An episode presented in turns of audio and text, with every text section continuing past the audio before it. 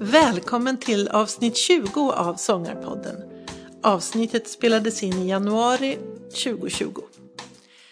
Hur mycket vet du egentligen om hur du gör när du sjunger och pratar? Stämbanden känner man ju till. Ja, men sen då? Nu ska vi prata om det. Vi träffar en forskare som vet det mesta om vad som sker när vi skapar ljudet som är våra röster. Vi väntar på professor emeritus Johan Sundberg.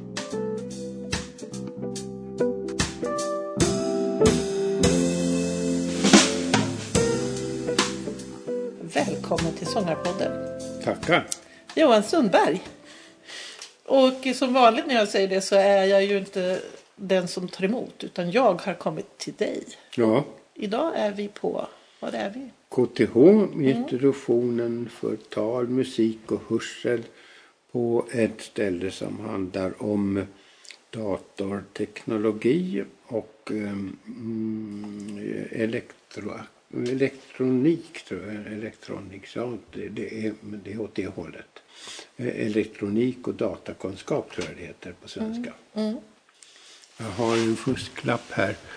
Um, School of Electrical Engineering and Computer Science. Det är vad den heter på, på, på tyska språket. Ja. På tyska.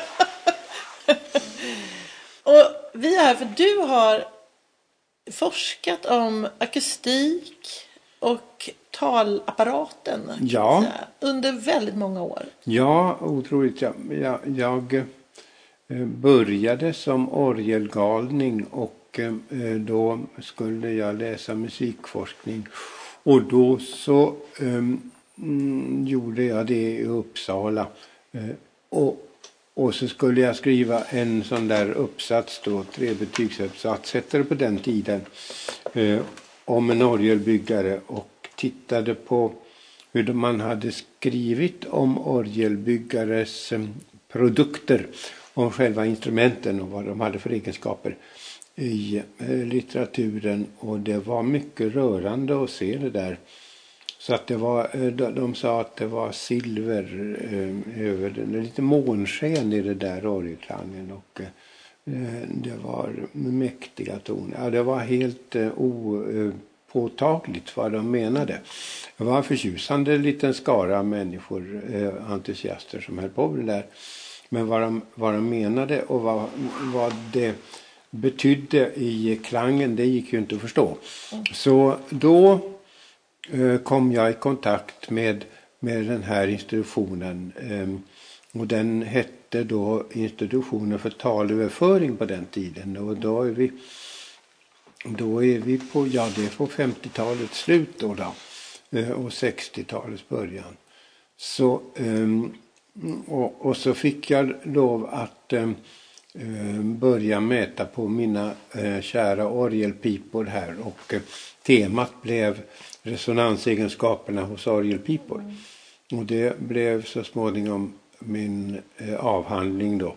Eh, och eh, ja, den var klar, då hade jag blivit så väldigt god vän med så väldigt många trevliga människor på institutionen så att eh, jag tänkte att det vore ju kul att fortsätta här. Och, mm, och då hade jag sjungit i kör eh, sen 55 eh, och eh, tagit sånglektioner för jungfru Aida i fågelsången i Uppsala och var intresserad av det där. Och det låg ju nära till hands att kombinera den, den och eh, det intresseområdet med eh, institutionen då. Så att jag föreslog att jag skulle söka pengar för att få börja och mm, kolla på sångrösten istället. Och det tyckte Gun- Gunnar Fant som var professor eh, vid institutionen och grundare på institutionen att det var en bra idé. Så att han gav mig ett år ehm, som ehm, assistent, forskarassistent och vad kunde det heta för att jag skulle få tid att söka pengar och så fick jag det från Riksbanksfonden och det hela ehm, jag började då 67 med sångforskningen och, ehm, och så fick jag ehm, anslaget så jag kunde få egna pengar från 68. Eh, och sen var det bara att fortsätta. Det var ju inte så många som hade hållit på med det där Nej. på den tiden. Jag kunde hålla på länge. Mm, det var 12-13 år tror jag som jag simmade omkring på, på anslag och eh, mycket intressanta mekanismer i den akademiska världen. Forskningspengarna Eh, pengarna, ehm, de satt ju på områden och de sa ja, sångröstforskning det är ju, det är ju mera humanistiskt. Och humanisterna sa att ja, men det här är ju ekvationer och decibel, det är ju ingenting, det är mera tekniskt. Och ja, det är mera naturvetenskap, så att det, det flöt mellan, mellan olika forskningsråd. Um, och till slut så, um, um, jo, sen blev jag erbjuden eh, en anställning vid IRCAM i Paris eh, som är Institut de Recherche Acoustique Musique, tror jag den heter. Eh, som Pierre Boulez hade startat mm, och som hade lockat honom tillbaka till Frankrike. I alla fall, där fanns Eh, ett storvulet forskningsinstitut för eh, musik. Mm -hmm. eh, och eh, där, där eh, frågade de om jag ville bli ansvarig för forskningen vid det. Och då så åkte jag dit ner till, till Paris och, och kände mig för lite grann. Och under det att jag satt där eh, några månader då bestämde sig regeringen för att jag skulle få en personlig professur. Och eh, den placerade de här då på teknis. Så, så den var väl 79 som jag fick den. Så då åkte du hux flux tillbaka till Ja, Sverige? då åkte jag tillbaks. Ja. Eh, och det var ju, eh, det var, det var bra. Här har jag ju haft möjligheter, här har jag haft fina möjligheter ja. att, att hålla på med forskning och doktorander och mm. logopeder som har velat ha examensarbete och sånt där. Så det har blivit... Vad tror du var anledningen till att från början så var det ett område som man nästan inte ville kännas vid. Det var helt nytt och mellan då som du säger humaniora och mm. naturvetenskap och sen plötsligt så intressant så att man bedömer att nu måste vi satsa på det här. Ja. Och det var ju det, mycket. Låg, låg det i tiden? Vad var det som hände där? Ja, dels så var institutionen här, Gunnar Fant, eh, han eh, var angelägen om att det skulle bli så. Och han hade kontakt med Musikaliska akademin, mm. akademin pratade och mm. eh, med regering eller med departementet och så där. Så att det var mycket som, som låg bakom att det hamnade här, eh, mm. där. Och sen så... Och det var ja. väldigt bra för dig? Ja, det var det. Och eh, sen den nej men jag har alltid tyckt det att det är alldeles förfärligt när ett samhälle inte tar rätt på eh, de möjligheter jag har sett det många gånger. Människor som har stor begåvning för att göra en insats och samhället säger nej, det tycker jag inte. Vi ska ha vård, skola och omsorg här istället och sådär. Så Ehm, det, det, lyckades, det, det, lyckades, lyckliga omständigheter gjorde att, att, att det mm. gick att få till det där. Och då byggde vi upp en musikakustisk eh, avdelning här inom, eh, inom institutionen. Så den, den eh, fick ett nytt namn och hette Institutionen för tal, musik och hörsel istället för mm. talöverföring. Då, som mm. Ja, då det förstår man ju vad ni sysslade med. Då. Ja, det var det. Ganska tydligt. Mm. Du, det, det, jag googlade ju lite innan jag skulle komma mm. hit. Och såg eh, bland annat, vi lägger ut det på Facebookgruppen sen, hur man hittar en fantastisk film. Ja. Som var gjord med magnetkamera. Magnet, eh, ja om eh, hur det ser ut när man talar ja. i talapparaten. Jag hoppar dit nu, vi ska tillbaka. Men Jag tänker när du började då mm. för länge sedan så ja. var det här helt okänt.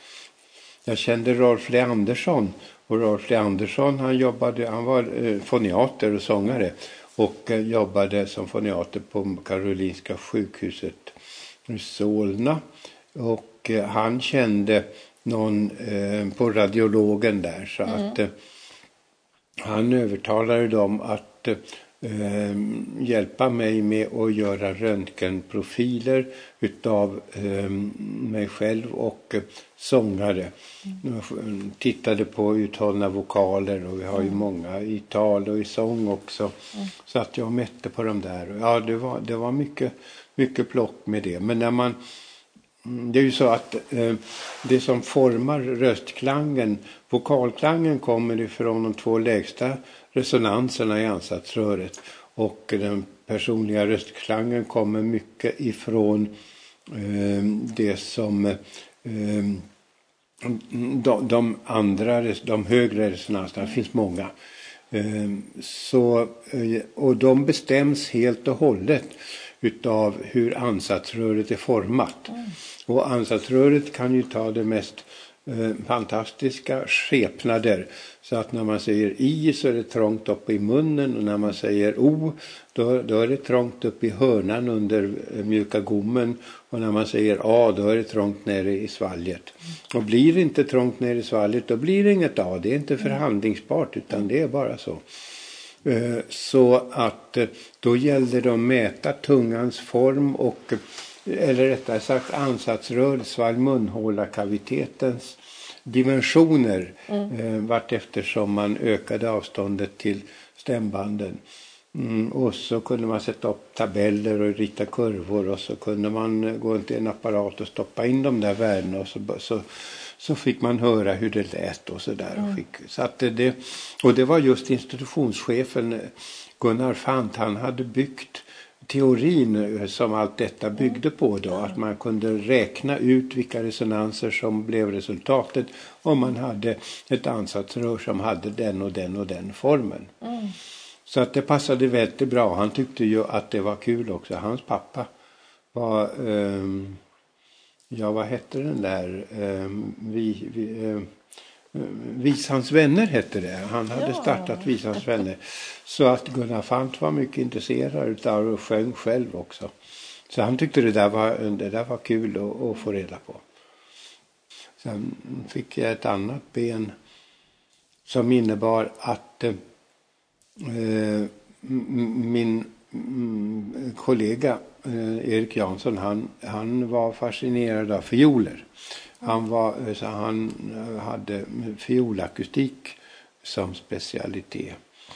Och han arbetade då med en eh, tillsammans med en fiolkännare som eh, av Guds nåde, han hette Lars Fridén. Och eh, han var kvartettspelare och eh, orkestermusiker och eh, lysande pedagog på Edsberg och sådär. Och han blev intresserad utav jag hade fått en, jag hade fått en, en synt eh, som hette Musse utav Norge Music Singing Synthesis Equipment eller vad det var. Ja, det var den, och han, det är ett fantastiskt fint. Det var en underbar eh, eh, naturlighet i den klangen. Och eh, mm, Lars Rydén blev intresserad av det där och undrade om han inte kunde få eh, spela stycken med, och få honom lite mera åt fagotthållet och sådär. Så, att, eh, och, så då gjorde vi det och stoppade in musikexempel som datorn omvandlade till signaler som styrde Musse. Och, eh, och så kunde vi höra på hur det lät. Och eh, kunde uppleva att eh, hur fruktansvärt viktigt musikers bidrag till den musikaliska gestaltningen är. Mm. För det låter apa om man spelar precis som det står i noterna. Det. Eh, det. står, det, det, ger, det skickar meddelandet att jag är musiker och jag struntar komplett i vad här står. Jag bara spelar som det står utan kommentarer. Och det blir väldigt, eh, ja det är helt patologiskt låter det. Mm. Och så satt eh, Lars Rydén eh, föreslog att man skulle, ja en av hans första regler som han föreslog var att man skulle förkorta de korta tonerna och förlänga de långa tonerna. Bara en liten, liten hårsmån, men lite. Och redan om man gör det allra minsta av den varan så hörde man att ja, musikern vill säga någonting här. Mm. Så att det var en väldigt viktig komponent i den musikaliska kommunikationen fick vi styr på där. Ja, och fick vad under, intressant. Ja, det var jättespännande. Ja. Och så um, en, en väldigt viktig regel är då att uh, markera var strukturen, hur strukturen ser ut. Uh, så att nu börjar vi något nytt och så det här är höjdpunkten och så ska vi dit. Bågarna? Ja, pre precis. Frasbågarna. Fras, och det finns underfraser och det finns överfraser. Ja. Och det där markerar man med små tempovariationer mm. i spelet då. Och man hörde då att det blir så oerhört mycket bättre. Lyckades ni komma nära det som människans uh, musik?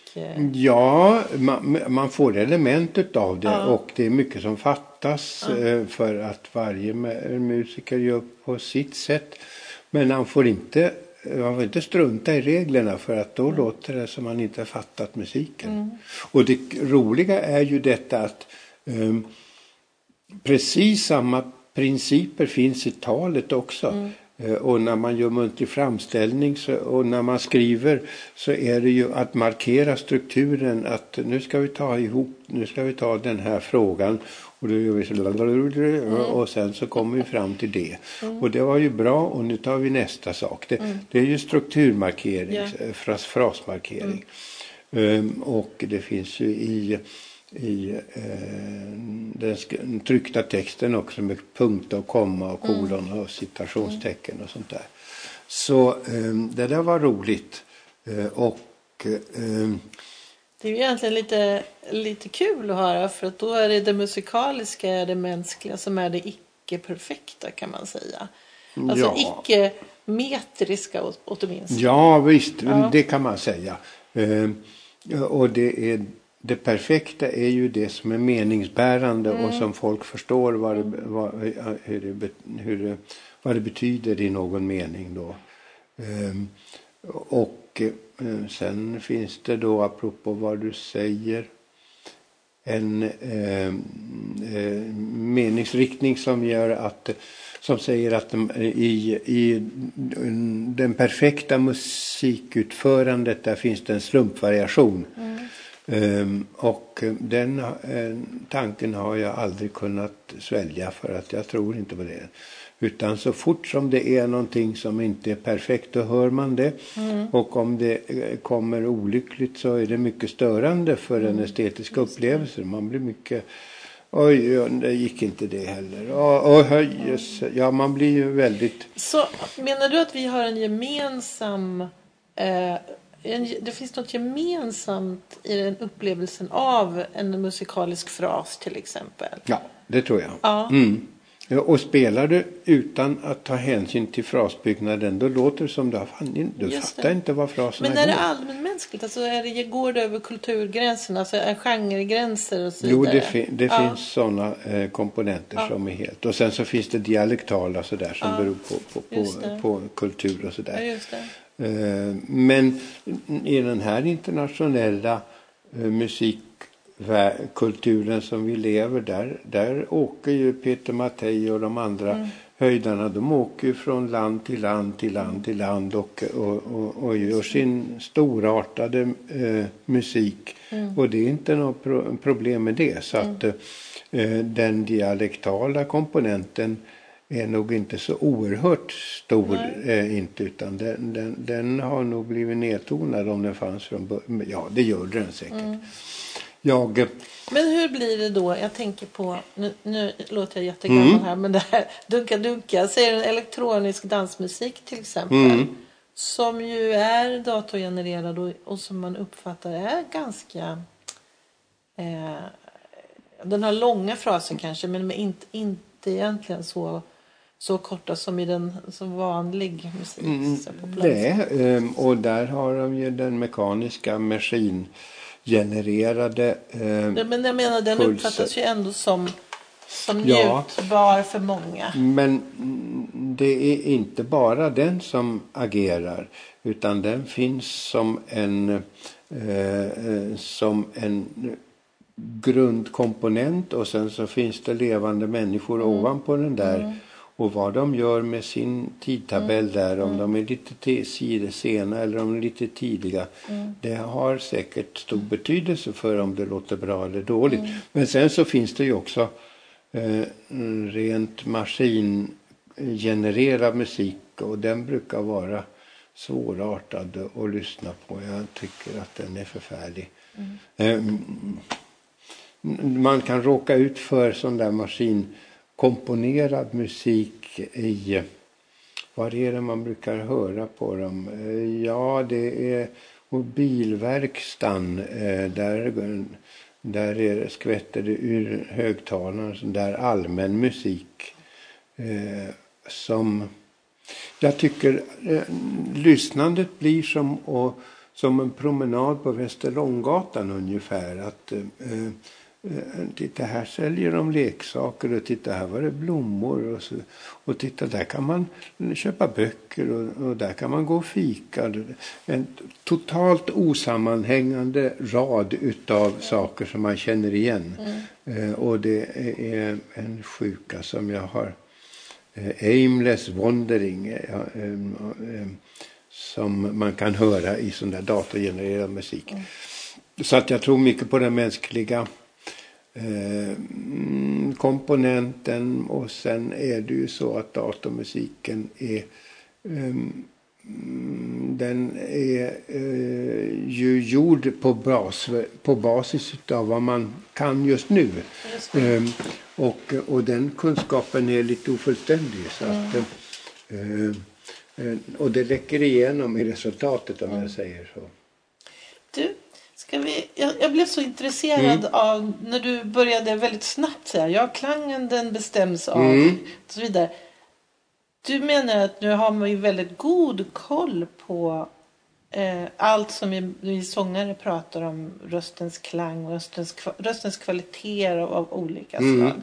Precis var någonstans Ja. det, den styr. Så frågan är, min fråga till dig, Mm. om du kan beskriva dels det och sen vad kan, vi, vad kan man då göra för att säg så att, att min klang är som den är. Jag Mm. kan inte göra så mycket åt det utan den är inbyggd från start. Ja, eh, det nej, inbyggd. Det är inte så mycket som är inbyggt utan det är ju väldigt mycket som går att röra på. Mm.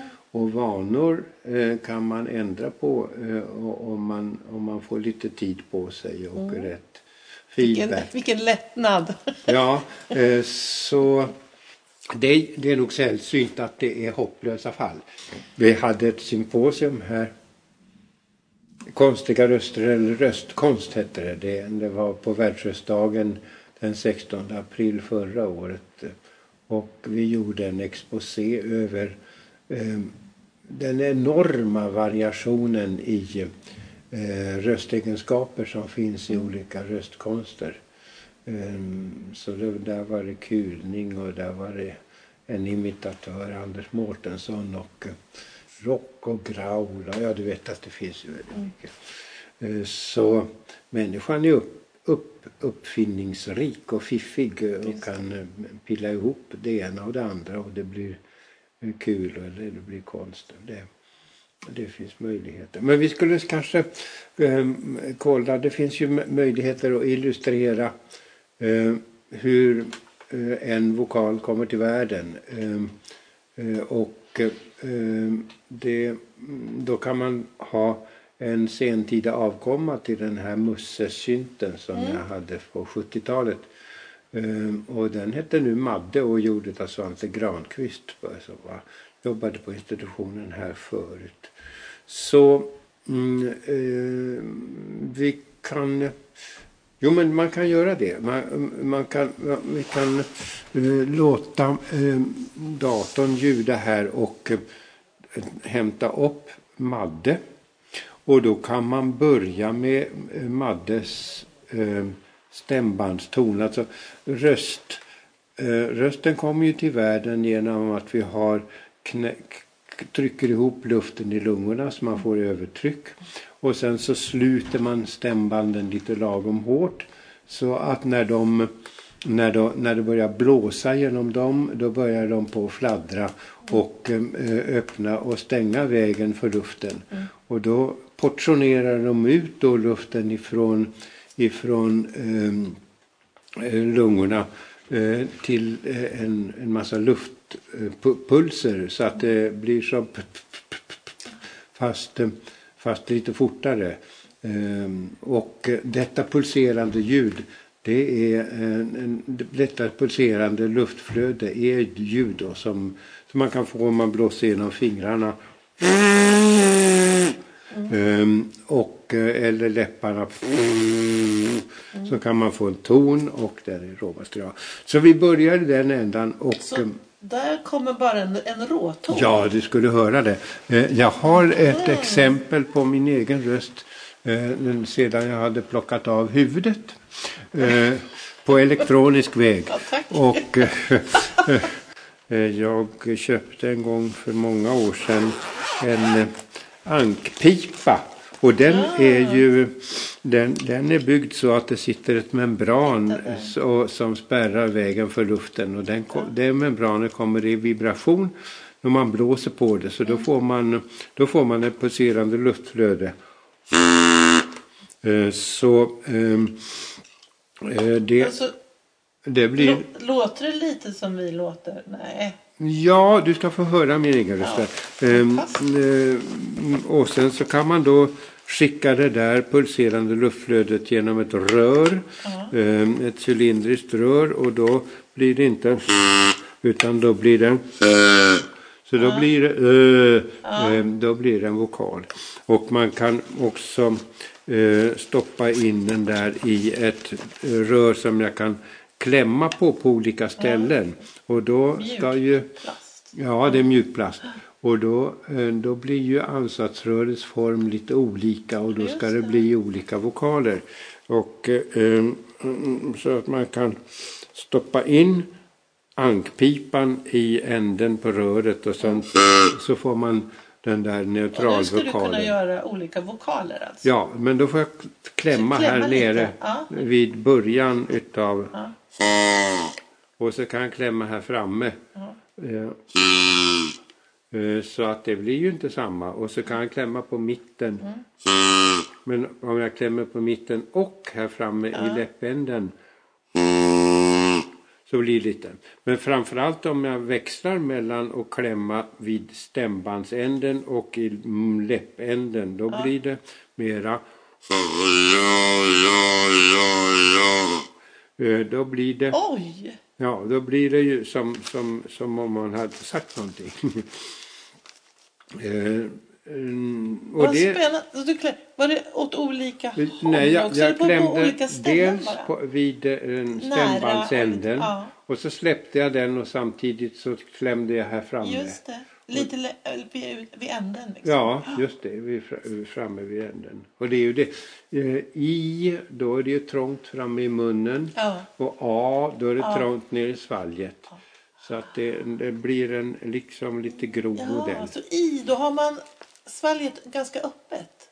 I, då är svalget helt tomt. Tungan är framkörd och eh, håller på att trycka, gör en trång kanal uppe i hårda gommen. Och sen så på så då har du den längsta, längsta luftpelaren? Ja, den blir lite längre än ja. de andra. Eh, och, och eh, O tror jag är den längsta för att då det, ska den upp på hörnan och sen så ah. ner igen. Så, ah. ja, så, så, så, den där är ju... Jo, men vi pratar om olika röstklanger. Det kan man också demonstrera med den här för att då har jag då kan man göra röret kortare för att jag har en kortare version av det där plaströret. Mm. Och eh, då kan jag, eh, då kan man låta ankpipan gå genom det korta röret. Och då blir det en helt annan röstklang eh, som eh, låter konstig. Um, um, så att eh, den där kombinationen finns nog överhuvudtaget inte med den tonhöjden och det där korta ansatsröret. Utan det är mera, ja, har, man, har man så kort ansatsrör då har man förmodligen också korta stämband och då blir det högre ton. Så Ja, det det. har jag i den här lilla pipan Ja. som låter så här. Ehm, och om den åker genom det korta röret så blir det Eh, Så det blir liksom mera barnsligt. Väldigt mycket barn. Ja, eh, så kort ansatsrör, korta stämband, det, Ah. det säger jag, det är nog barn. Om man ska översätta det här då till, Ja. till eh, en sångare eller en människas. Ja, Så har du då, eh, det börjar då råtonen startar här vid ja, eh, visst, ja, stämbanden. det. Ja, Och sen det här där du klämmer. Ja, Då, då, då eh, hur, hur klämmer vi då tidigt efter stämbanden? när stämbanden den går sin gilla gång. De, Ja just det. Ja, Men sen är det då olika ställen längs luftpelare Precis. som vi då Ja. med olika, på olika sätt eh, eh, ja trycker till eller gör trängre. precis ja. När, Ja. ja. Så i då vet man var man har tungan, det är det är trångt Ja. fram i munnen. Och sen så eh, vet vi inte så mycket om, eh, men det känner man inte på sig att, att tungan är, och, och besöker hörnan här uppe under eh, mjuka gommen när man säger O. Oh. Eh, men för att det ska bli O så måste man läpprunda också annars blir det O. ah, o, Oh, oh. Nej det går inte. Det går inte. Eh, så, eh, och det där lär ju sig till och med lilla spädbarnet Ja. utan att få några som helst instruktioner utav akustisk art. Första formanten måste du lägga där. Nej, det, det lönar sig inte. Men hur då om man vill?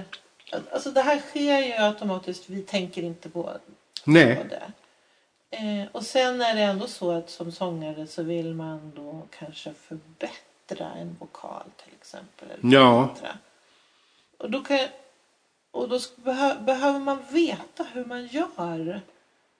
Eller, jag, jag tror att pedagogen bör veta hur man gör. ja, För att eh, då kan man göra en mera riktad instruktion eh, än att beskriva ljud. Beskriva ljud är ett hopplöst företag faktiskt. Eh, Det går inte att vara säker på att folk förstår vad man menar. nej. Ljusare ton eller ja, det. ja det ska vara högre.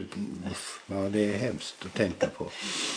Eh, så eh, den grundläggande teorin eller eh, kännedomen om hur det fungerar är ju, Kan det bli fel också? Att man tänker åh nu måste jag klämma åt här någonstans för att det ska bli på ett visst sätt. Så spänner man sig eller? Ja, det, om man spänner sig så brukar det bli dåligt.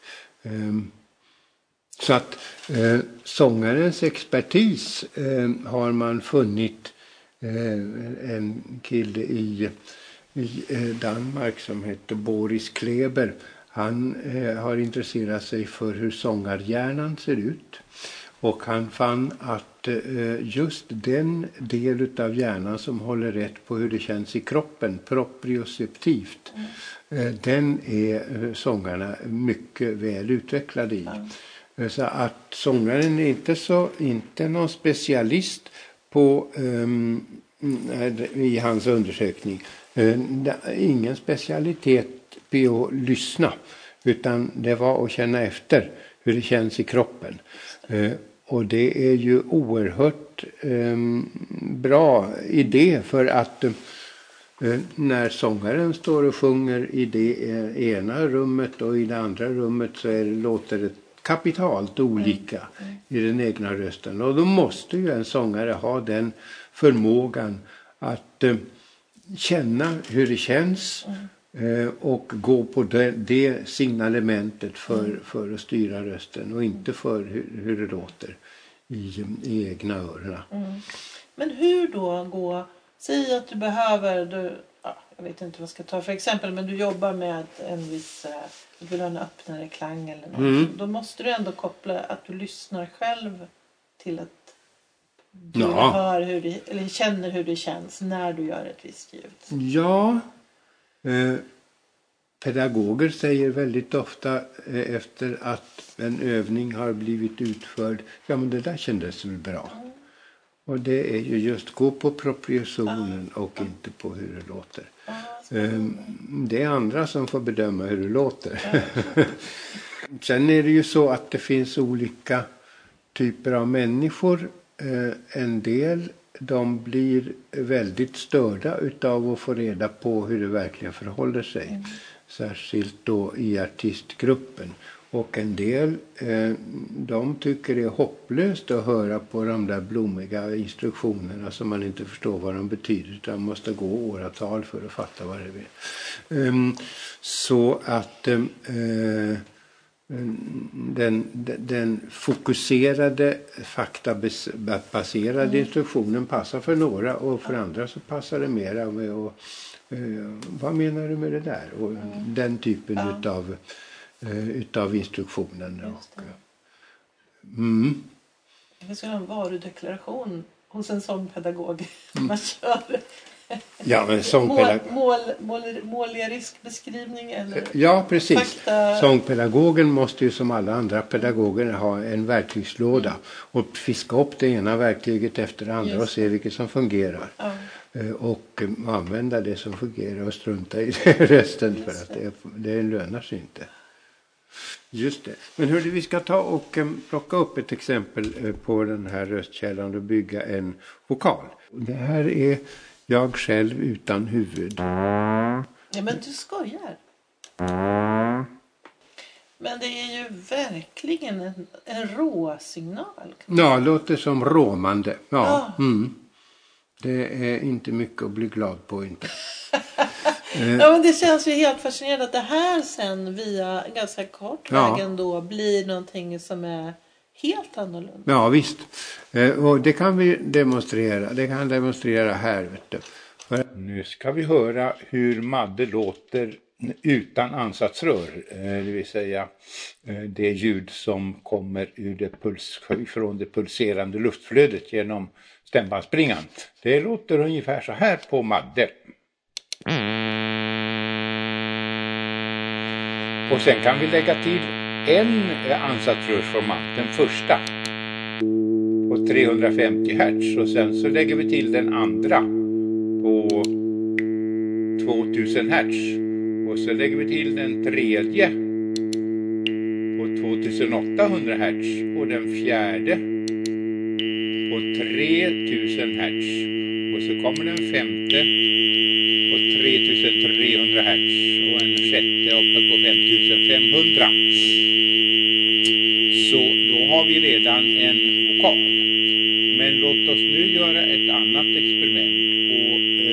Ta bort, vokalen består ju av en, en, ett helt ackord utav samtidigt ljudande enkla sinustoner. Och nu ska vi eh, nu ta bort alla sinustonerna utom den lägsta. Eh, och då kan vi lyssna på hur, hur det låter om man, eh, om man bara, om en sinuston, en delton i taget. Så att det kommer en delton i taget till och så ska vi höra på hur det blir med vokalen då. Jag sätter om första formanten till eh, till 650 Hz så det blir lite drama i, eh, eller kanske 1400 Hz, det blir lite roligare. Eh, Så blir det lite eh, vokal utav det så småningom. Här kommer då alltså eh, en ensam sinuston istället för röstkällans praktfulla samling utav sinustoner. Och här kommer andra. Tredje. Och det blir ingen vokal ännu. Vi fortsätter fjärde. Nej, ingen vokal. Sjätte. Sjätte. Nu börjar vi på ana. Jag lägger till flera och flera.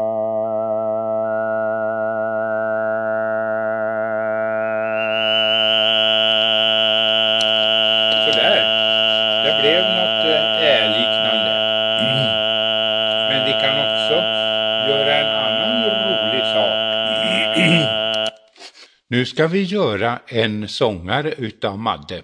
Och det eh, gör vi genom att flytta ihop de högre eh, formanterna, den tredje, fjärde, femte.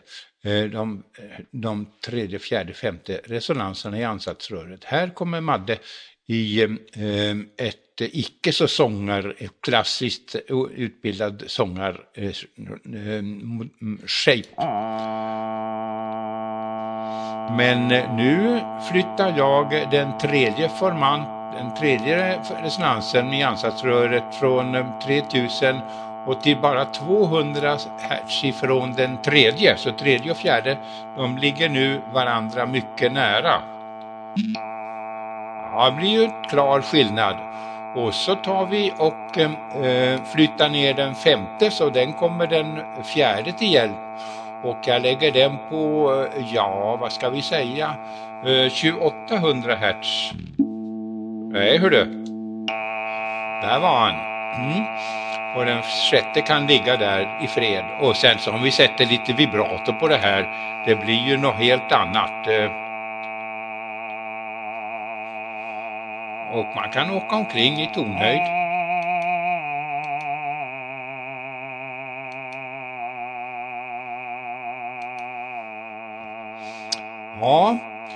Eh, vad jag nu tänkte göra det var att eh, eh, byta eh, sångare på den här rösten. Så att eh, de här högre formanterna, trean, fyran, femman, de flyttar jag nu ner en eh, 300 hertz så får vi se. Jag börjar med den tredje och åker ner till eh, 2000. Och det är redan en annan människa och så tar vi 2200 på den fjärde.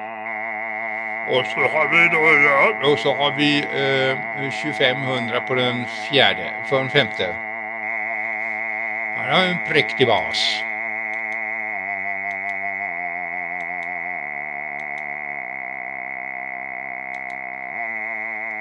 Men vi kan eh, göra en, gå tillbaka till en bariton-typ eh, och då åker jag upp eh, till, ja vad ska vi säga, 2800 Hz med femman och ehm, eh, 2600 på 3, 4. Ja, här blir en helt annan gubbe och så kommer det 2400 på... Mm. Ja, just det.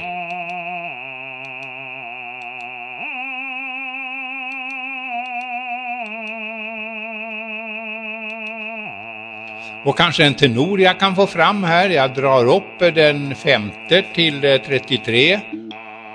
Och så tar vi den här fjärde, den får gå från 2600 till, eh, ja jag tar den till 30, 30 3000.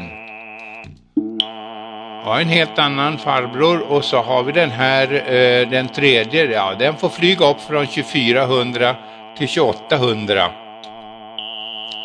Och så har vi, ja sådär.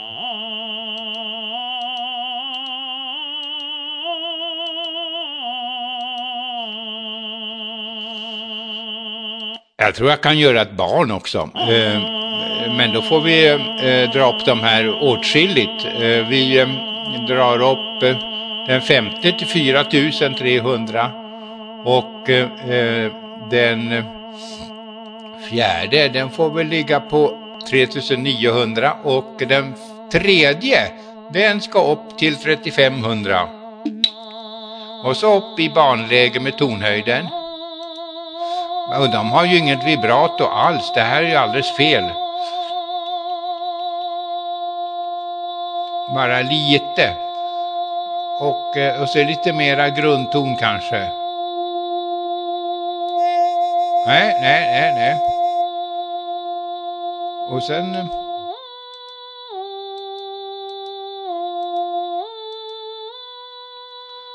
Någonting i den vägen. Det låter ju ingalunda bas det här i alla fall. Den saken är klar. Alltså nu, det här blir ju så himla spännande. För mm. dels vill man ju prata om det här. Mm. Alltså den elektroniska moduleringen av ljud. Ja. För att skapa någonting som är väldigt mänskligt. Ja, det kan man göra och det har jag. Jag ja. gjorde. Jag gjorde. Och det skulle man ju prata om. Ja, men för för sångarna som lyssnar så är det ju spännande att höra. Ja, men hur, hur övers för nu, det här är ju blir någon sorts liksom bevis för hur tonbildning och klangen skapas. Ja, Men det, hur man översätter det du gör nu till, till, till Ja. en människa så att säga. Vi har vårt, vår råton och så var det käken och det var tungan. mm. Men det övriga resonansdelar. Ja, det är lite... Man, man kan göra eh, olika saker. Eh, Dels så är det att förlänga struphuvudet, för så skicka ner det och då så får man Ja. lite längre ansatsrör, lite mörkare röst och sådär.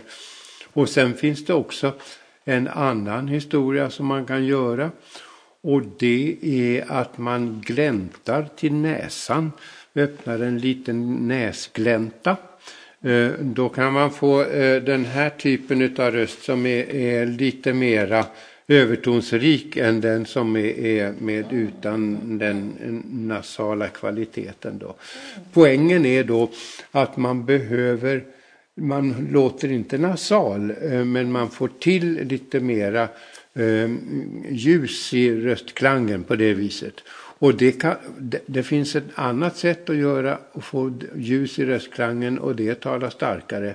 Och det kostar ju energi och sl- sliter på rösten om man håller på. med- Så att det är en fråga om röstekonomi. Man kan använda näsan, näsresonans som, eh, eh, för att ekonomisera på rösten. Och sen finns det en tredje sak också som man Eh, kan göra. Och det är ju då själva, nu har jag pratat om eh, resonatorsystemet, men man kan, vi har ju också ett system nere i, i, i stämbandstrakten som kan varieras inom mm, stora områden. Dels så kan man ju ändra eh, röststyrkan förstås och så tonhöjden. Men utöver det så finns det också en eh, mm, variationsmöjlighet som går från, från pressad till läckande. Man kan tala pressad eh, på det viset. Och så kan man prata läckande på det där viset. Då, då. Och så kan man ändra sig kontinuerligt utefter den dimensionen. Och eh, eh få, få lite mera eh, utav Ja, mera press om man behöver det. Om det är något uppjagat i texten då ska man inte låta oberörd utan man måste delta. då. Eller man är lite lugnande så kan man få lite mera mulle och lite värme i rösten. Ehm, Och det som det, det, det, den mekanism som står för den här variationen det är hur mycket man klämmer ihop stämbanden. Eh, Eh, för stämbanden är ju en livförsäkring för att om man andas in en fluga så ska den inte äga tillträde till lungorna för då kunde man få lunginflammation och dö. Så att det lönar sig verkligen att göra eh, mekanismen som stänger till eh, vägen till lungorna mycket effektiv och stark. Och när man lyfter pianon då, då är det ju nästan helt stopp. Eh, och det får också en väldigt stark effekt på rösten. Så ehm, eh, den där har jag mm, nyligen sett, har kollat på eh, mm, hur man, hur sångare eh, mm, använder rösten för att låta arga eller glada eller hotfulla eller rädda och sådär. Eh, Och då finns den där, den möjligheten med att variera mellan eh, lite, eh, lite där mörjare och, och eh, lite mera pressad röst och sådär. Så att, det finns ju alla möjligheter att variera det där. Och det är klart att eh, rösten erbjuder ju de möjligheterna. Och då tror jag att eh, den eh, förväntansfulla publiken hoppas att det ska bli använt de medel som finns eh, på ett snyggt sätt. Eh, så eh, att köra på det, jo, det finns ju sångare som inte har fattat riktigt att de kan göra det där. Och de, de blir inte så uttrycksfulla. De, de, och då låter de säga, jag, är 17 i det här, jag kör bara. Så, Det är så roligt när du pratar för att det blir som en, en mekanik som det ju de facto är, Mm. sångapparaten. Men att det blir mer så uppdelat att här sitter den Jo, men- funktionen, här sitter det. ja. Eh, och eh, jag tänker att det är ju väldigt eh, intressant och bra att känna till. Och sen så mm, tänker jag också att det som man vill eh, veta det är vad man kan jobba med och vad man inte kan jobba med. Alltså det som är kört. Så att säga. Ja, Det var det jag menade, pratade om lite innan. Det som, det när jag sa inbyggt, det menar jag det som man, man har blivit född med och som inte jag kan påverka så mycket. Men det, eller det som jag kan jobba med. Eh, och för att stärka upp eller ehm, bli bättre på. ja alltså. Eh, Man tänker till ta ett exempel. Operasångare, de föds inte med sin välutvecklade operaröst. Nej. Utan den har de ju tillskansat sig genom hårt arbete. mm, Så någonstans är det, det de, de har ju liksom lyckats i alla fall få, få den här stora rösten som också kan nå väldigt långt. Ja. Och man ska höra vad de säger. gå igenom orkestern och sådär. Och det, Ja. Där man ser det, jag, jag slutar aldrig fascineras över att det är bara några stämband där som i den kroppen och Ja. så kan de fylla en hel, ett helt operahus. ja, det är oerhört. Ja. Och jag förstår liksom inte hur det går till. Men Nej. Nej, och utan att man skadar sig. Jag menar, skrika kan ju alla människor göra. Det har överlevnadsvärde. Eh, Men och, och eh, mm, låta starkt utan att, utan att fördärva sig. Det är ju eh, en, en viktig skicklighet att, att tillägna sig för sångare. jag tänker du som då forskar i akustik och den, från liksom mera ja, ja, vetenskapligt håll. Du, må, du måste också vara fascinerad. Hur går det till? Jo, men det är ju det som är Är inte det fortfarande lite så unresolved mystery här? Det är ju bensinen i motorn det. Ja. Att man blir nyfiken på hur, hur i herrans namn gick det där till egentligen. Eh, Och, och sen så när man har den där synten så kan man ju kontrollera hur mycket har jag fattat? Hur mycket just har jag det. fått fram nu? Just det. Men är den fullständig eller saknas det någonting? Det, det är ju en eh, väldigt eh, fördelaktigt situation som vi har numera att man kan göra syntes och, och att det är så böjliga verktyg som man kan använda. Det finns ju andra saker som man häpnar över som du var inne på lite Mm. grann. Det är när en sångare kan, till exempel hårdrock, när man kan growla som det heter. Mm. Som för en, eh, de flesta skulle innebära att man blev hes i flera veckor.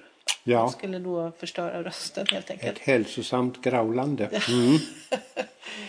Och har, är det någonting som du känner till? Hur går det liksom rent mekaniskt till? Ja, vi har tittat på eh, Daniel Sanger-Bork som är eh, expert på, det, på, på icke-klassisk sång.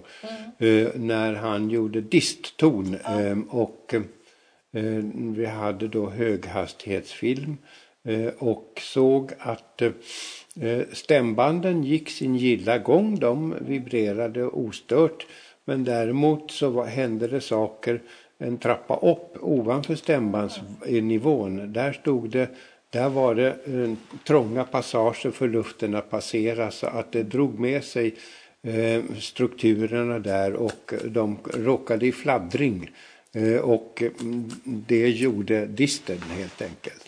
Så stämbanden ska inte alls vara inblandade? Nej, de var inte med där. Men däremot growl, där tror jag stämbanden är, är med och eh, vibrerar inte periodiskt, inte jämn, med jämna eh, em, eh, inte upprepar ett, ett svängningsmönster från period till period utan, utan det varierar. Den där typen. Och eh, där är det eh, nog inga som säger att man kan graula eh, ostört eh, timma ut och timma in. Utan eh, där behöver man vila sig efteråt. Så Ja, att, men det är ändå så att man har viss, alltså nu kan inte jag de namnen, men det finns ju sådana där hårdrocks, alltså metal och dödsmetal, som, där sångarna growlar lä- ganska länge. ja, det gör och de de. har ju konserter, de Men- turnerar och de sjunger mycket. Så någon, en teknik, någon teknik har Jo, de så att och jag har, det. eh, det finns en kille i Brasilien som är bra på, eh, på att graula. Eh, Och om han tar bort mikrofonen så hörs det inte. Det är så tyst, så tyst, så tyst. Så att det är micken, mickförstärkningen och mikrofonavståndet som gör Att, Men det var ju spännande. Visst är det det. Det är ju, det är ju konst. då- ja. Människans fiffighet. Att, Ja. att eh, förstå att man kan göra så och då skadar Ja. det inte.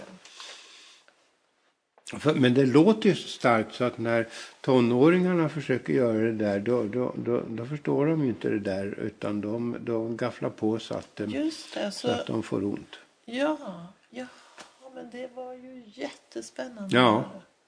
Sen har, eh, jag vet inte, har du en övertonssångerskan den här eh, Anna Maria Hefele?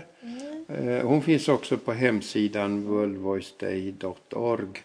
Ehm, Mm, men vi ska, vi ska ta och, och köra hon för att det låter ju väldigt kul. Då ska jag, då ska jag öppna den hemsidan. Så, och här finns det Edu och där finns det Movies. Och där finns hon som första Nej men titta, Ja. där kan ju lyssnarna gå in. Yes. ehm, och ehm, eh,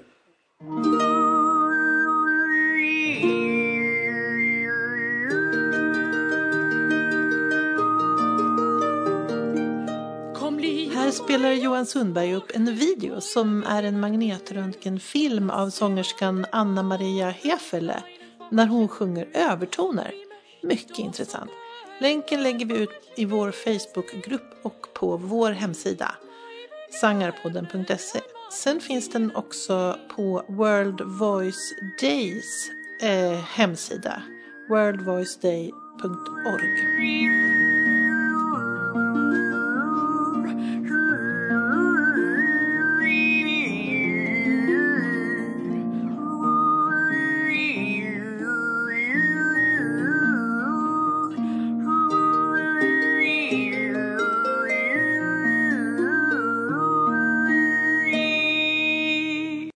det är kul. Oj!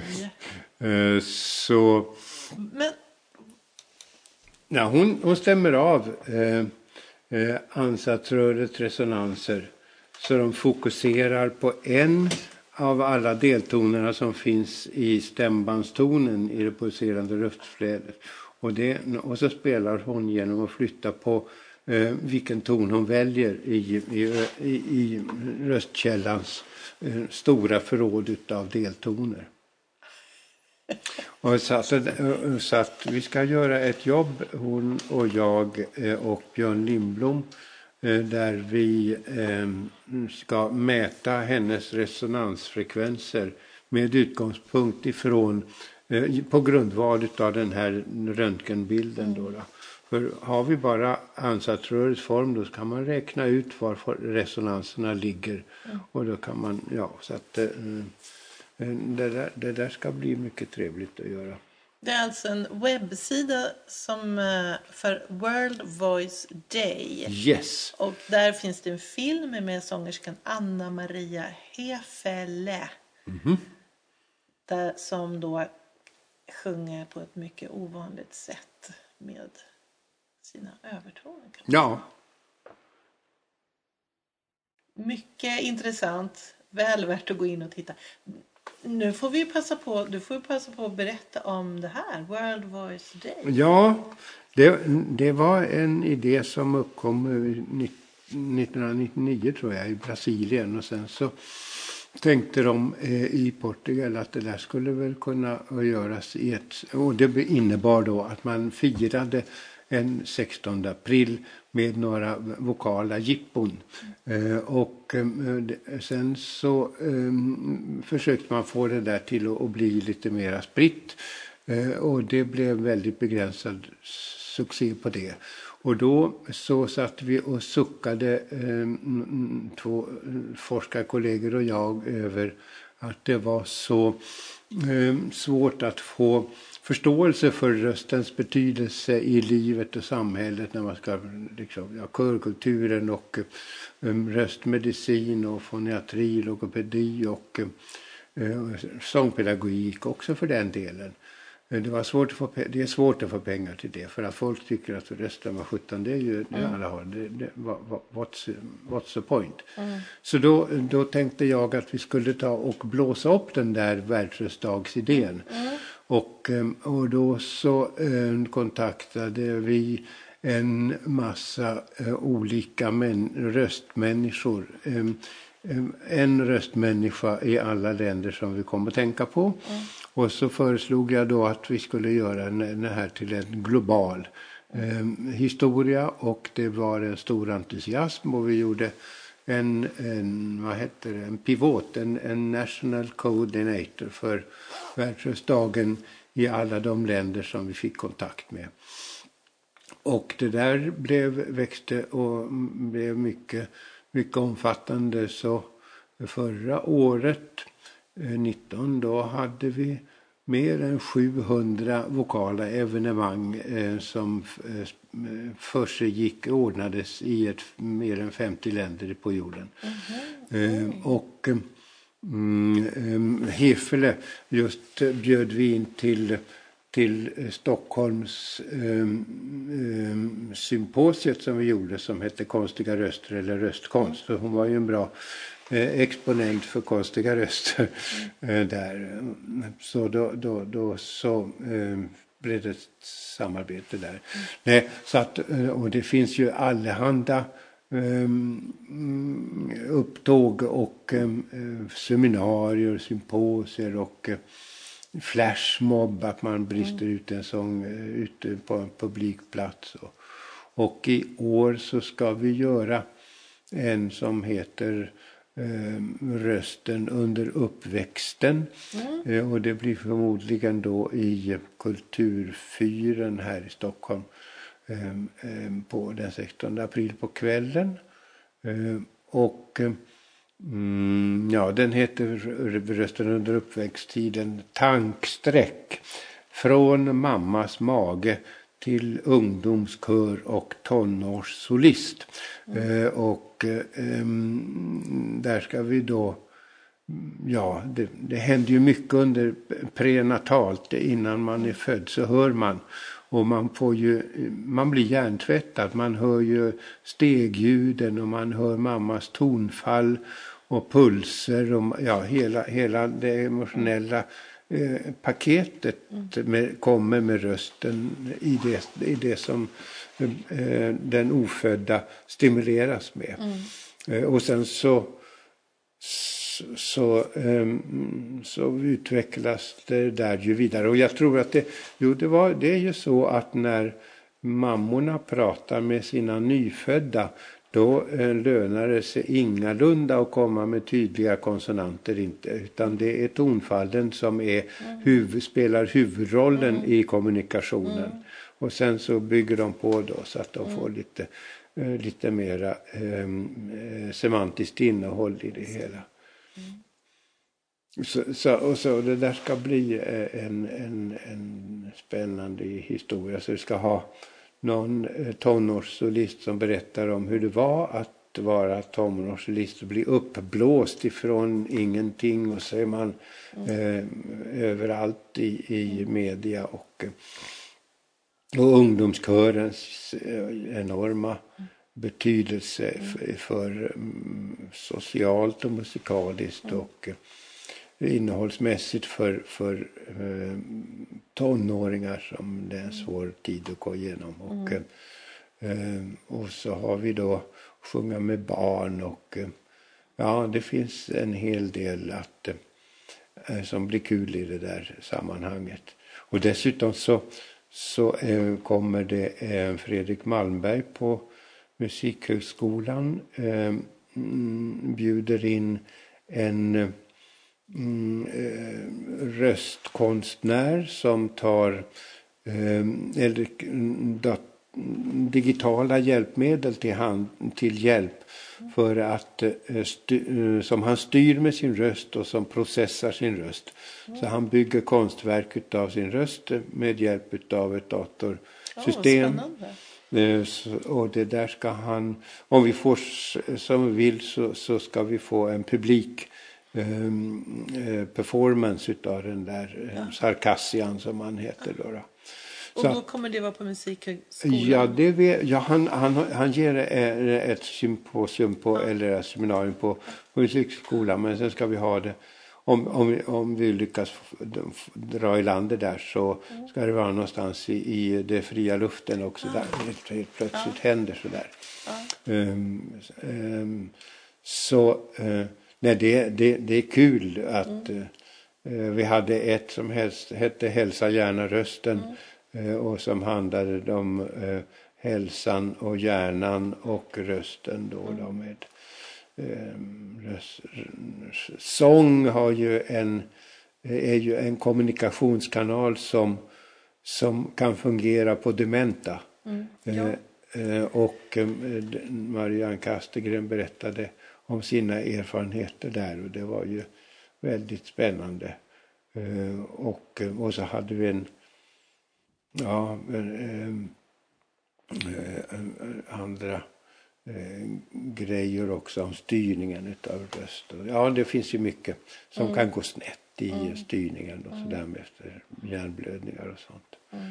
Så ja, så där finns det mycket och så hade vi en som heter eh, Röst och gender uppe på SMI. Och, ja, det har varit kul att hålla på med det där för man kan hitta på och vi har en, en, en pigg grupp som, som eh, sitter och peppar sig själv och så att det blir eh, roliga idéer. Om man inte bor i Stockholm kan man följa det här? Streamar ni de här? eh, Ja, det, det förekommer. Och sen så förekommer det ju i eh, många ställen i landet så finns det sådana här eh, jippon också. Och jag tror att vi har, vi har gjort dokumentationer utav några eh, utav de här eh, träffarna som vi, som vi har kört. Eh, mm, och Mm, på- på just den här worldwideday.org där finns det en lista över alla evenemang som eh, eh, gjordes då eh, förra året och tidigare år så man kan se eh, vad som, vad som Man kan se vad man har missat. Ja, Då blir man ju inte glad.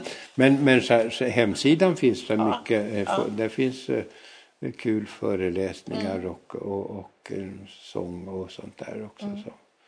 Det finns ju den där berömda eh, filmer med åtta stämband sjunger en hymn.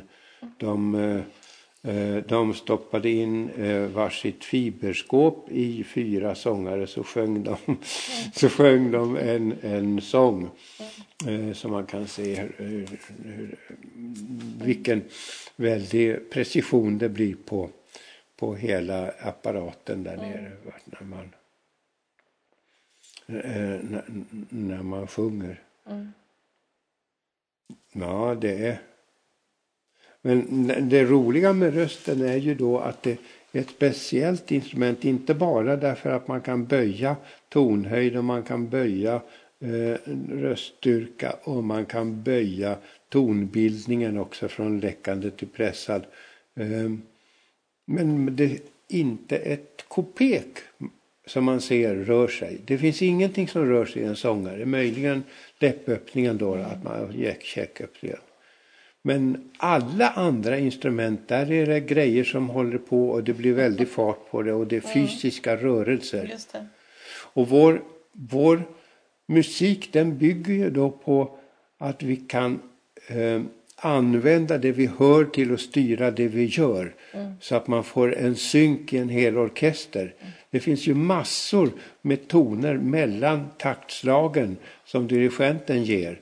Eh, som, sång, så, som med musikerna själva måste generera i sin, i sin hjärna. Och det ska komma synk i hela ensemblen. Ja.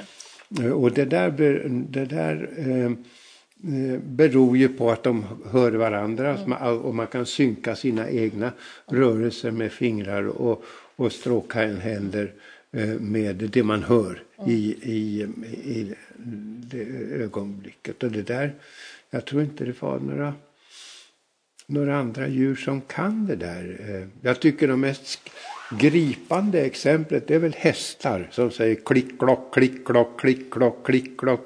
Och de fattar inte att de kan synka det med musik. Eh, På de här eh, dressyr då ska de ha en, eh, en cue för varje steg som de ska sätta ner. Så att det där klarar de inte. Nej. Och ändå så får de ju ganska mycket stimulans som skulle kunna utveckla den förmågan. Och sen så finns det ju Jo, det var någon som, just det, det hörde jag talas om, eh, att man hade fått apor och eh, eh, röra eh, fingret i takt med någon, någon musikalisk eh, re- regelbundenhet där. Men det roliga var att de var inte, de kunde inte förutsäga i vilket ögonblick som de skulle göra eh, tappa med fingret utan de gjorde det med liten, liten försening så de, de reagerade på, på det de hörde men de kunde inte generera Ah, skenet Ja, själva. Inte räkna ut att nu, Mm. när det ska ske. så Ja, att, just det, så, så att det finns väl hos djur en del eh, som kan eh, synka, eh, inte synka men som kan följa det de, det de hör eh, och spegla det de hör med det de, det de gör med, med, med kroppen. Kanske så. Musik är en typiskt mänsklig, Ja, det är det. mänsklig verksamhet. Så Mm, säga. Ja. Och nej, det är fascinerande och det är verkligen så här kommunikation över en global Ja, det ja det är det. över alla språk. Och, Och eh, jag tycker det inte är så konstigt att musiken har uppstått faktiskt för att människan är ju till sin grund mycket fiffig och sätter ihop det ena som inte alls hör ihop med det andra och så blir det någonting nytt utav det. Och sen så är ju då vår upplevelse utav världen är ju mm, helt och hållet beroende utav eh, att vi ser likheter. Det här är likt det. Och det är ju, det är ju en, en grund eh, eh, i, i att bygga musikaliska strukturer. Att nu kommer någonting, det här har jag hört förut, men nu kommer något helt nytt. Ehm, så det, det är ju en lek med den förmågan som musiken eh, innebär. Och sen så att eh, Mm, och göra det som är nästan samma men inte riktigt också. Den, det, är ju, det ser man ju överallt. Eh, en, en mänsklig drift och sådär. Så att, eh, och så har vi och så har vi ju då de musikaliska intervallerna. Gunås, de sitter ju faktiskt i röstkällan. I det ljud som kommer ifrån det pulserande luftflödet genom stämmanspringan. Där där finns det en oktav mellan den första och den andra deltonen och sen så mellan den andra och tredje där sitter en kvint och mellan tredje och fjärde där sitter en kvart och mellan fjärde och femte där sitter en stor ters och mellan fjärde, femte och sjätte där sitter en lite mindre ters och mellan sexan och sjuan där sitter en ännu mindre ters och så kommer det sekunder efteråt. Så att eh, eh det där eh, det där är ju en, en grundhistoria också som måste ha, ja det har petat in eh, musiken i flerstämmigheten. För att då, då, då kan man få konsonans och dissonans och eh, eh, Men då måste jag fråga, hur är det med kvartstonsmusik? Ja, jag tror att de behöver nog en, en sån där mm, referenston som man kan stämma mot. Som hon gjorde. Hon tog ju upp deltoner ur spektrum. Eh, och eh, om man har en, en ordentlig eh, baston där så, så finns det massor av deltoner som man kan stämma mot. Och sen så är ju också att göra samma sak fast inte riktigt. Det är ju en grundläggande princip. Alltså, så, och då så Eh, åh, det här låter som en ters fast det är inte riktigt ters. Det är lite, ja, det är lite sned ters. Ja. Så att jag, jag tittade då på intonation som är en annan fascinerande aspekt av sång just. Och eh, jag, jag tittar på eh, Jussi Björling som är, är, är en eh, oöverträffad sångare i, i expressivitet och röstteknik. Um, hur han sjöng um, en, ett stycke i, i ehm, um, Verdis Aida. Och um, det går en, en, en, en, fras som går upp till ett, ett ass. Och så ligger det där asset och sen så, det är crescendo och sen så går det ner en oktav. Och hur gjorde han detta asset? Ja, det gjorde han, det var högt det var inte, det var inte liksom temperatur på det utan det var högt. Det var gott. Han, hade gått, han gick över gränsen till nästa skalton helt enkelt. Och då, då var det jag som tog och stämde ner honom. Jag syntetiserade han den där höjdtonen och stoppade in den och gjorde den till liksvarande temperatur. Mm. Och frågade hur, hur människor, hur låter det här då? Och de sa att ja, det är någonting med placeringen, det är liksom vokalfärg, ja, det, det var nästan ingen som sa att ja, men det, är all, det är helt annan tonhöjd. Mm. Um, utan man uppfattade den här spetsningen av tonhöjden som ett, som ett eh, expressivt medel. Ja, så, så, att man avviker ifrån eh, det teoretiskt rätta eh, för att få liksom lite extra spänning i, i, i förloppet. Men är man mer känslig om det är lite lägre? Ja, det är precis vad man är det. Ja. Man, är man för låg då är det ja, inte det... bra.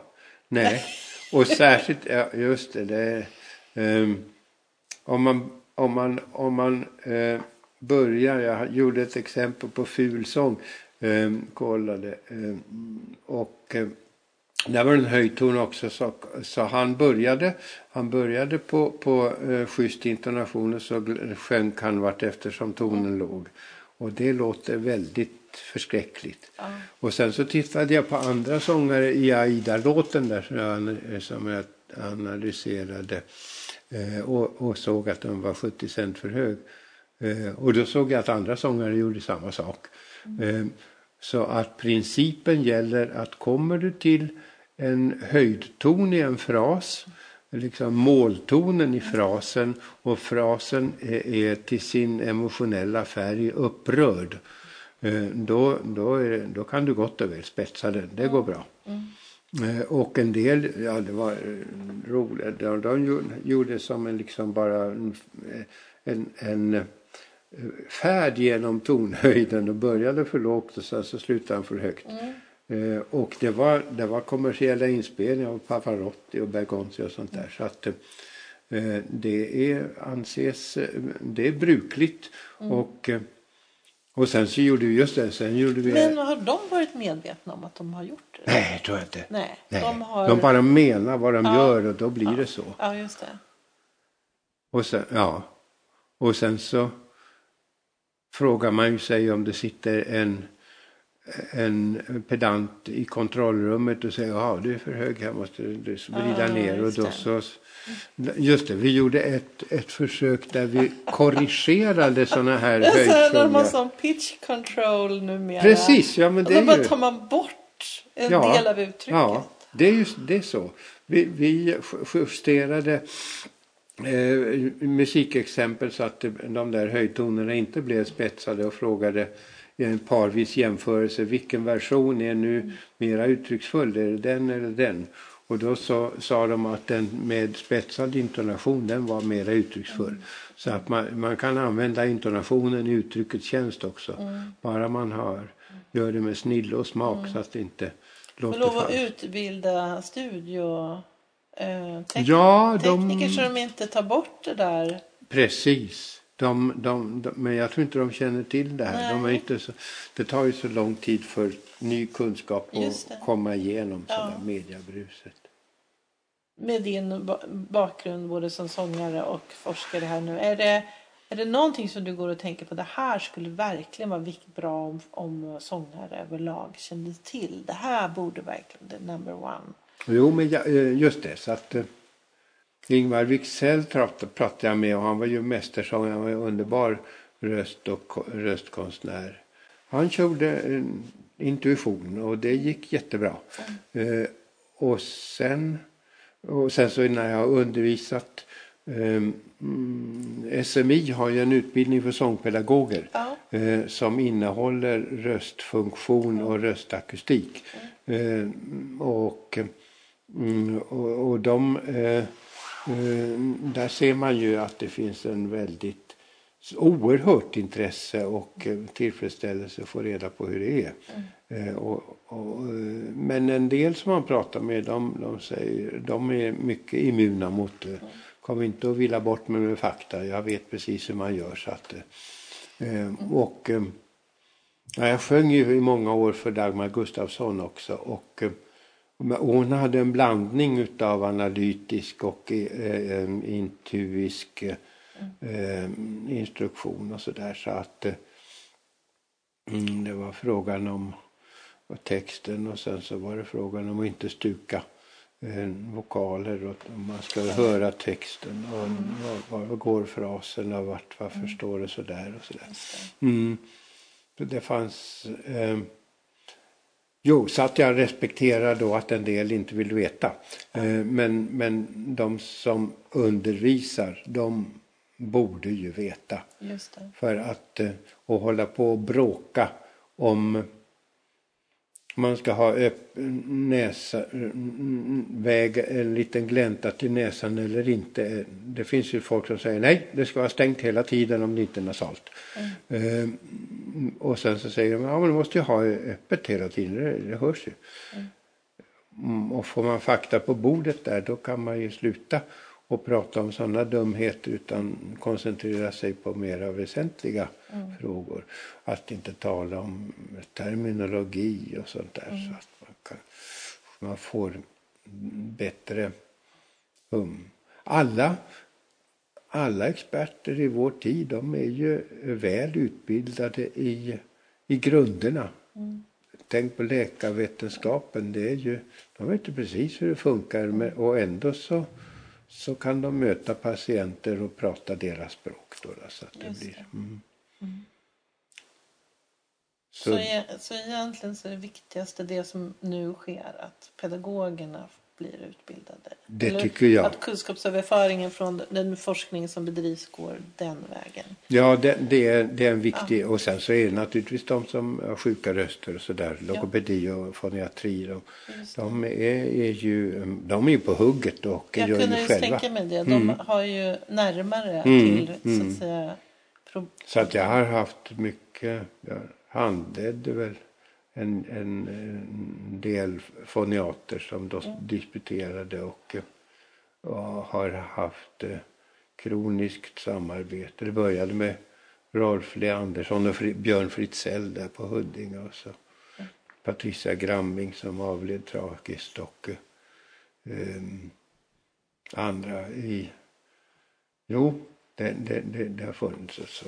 Mm. Internationellt finns det ju också eh, ett starkt intresse. Det finns ju varje år så finns det en eh, i Philadelphia ett årligt möte där, där röstforskare samlas. Och själv så startade jag tillsammans med Gunnar Ruggheimer eh, som var ledare för British Voice Association. Vi startade Pan European Voice Conferences nu som kom, ja, de har, har hållit på i många år, det är mer än 20 år. 90-talet tror jag vi började. Mm.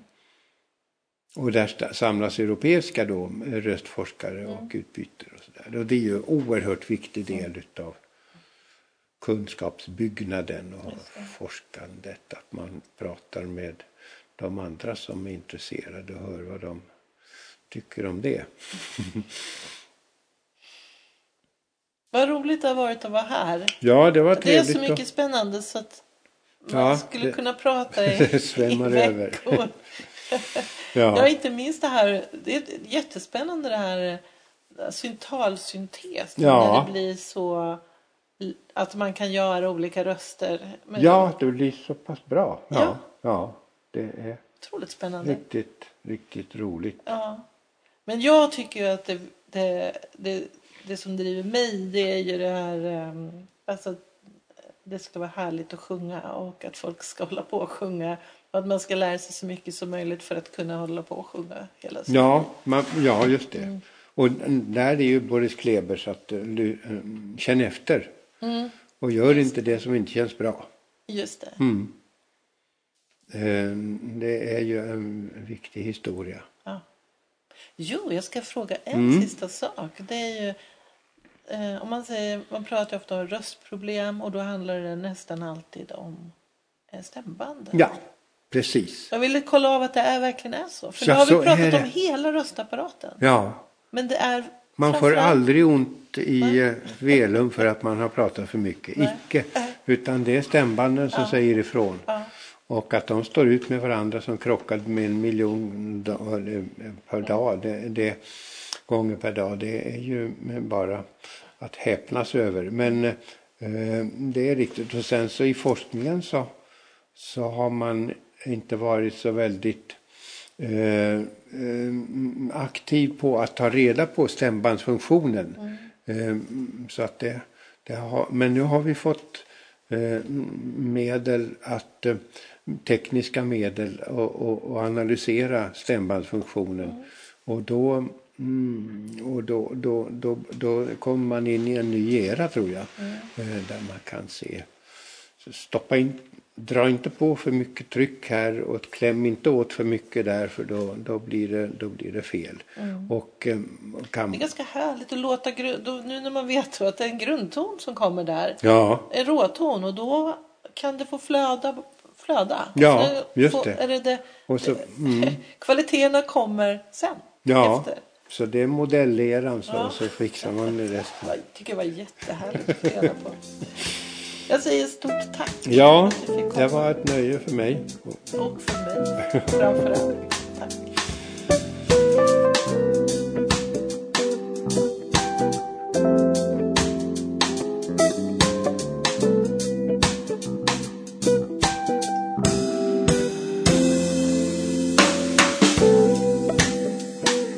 Lyssnat på Sångarpodden. Vill du ha mer information eller få länkar till artister med mera så gå då till vår egen webbplats www.sangarpodden.se Du som är sångare och tycker att det är svårt att hålla igång din sångröst Kolla in Icing, din sångtränare på nätet. Gå in på www.icing.se ising.se så får du veta mera. Vi hörs!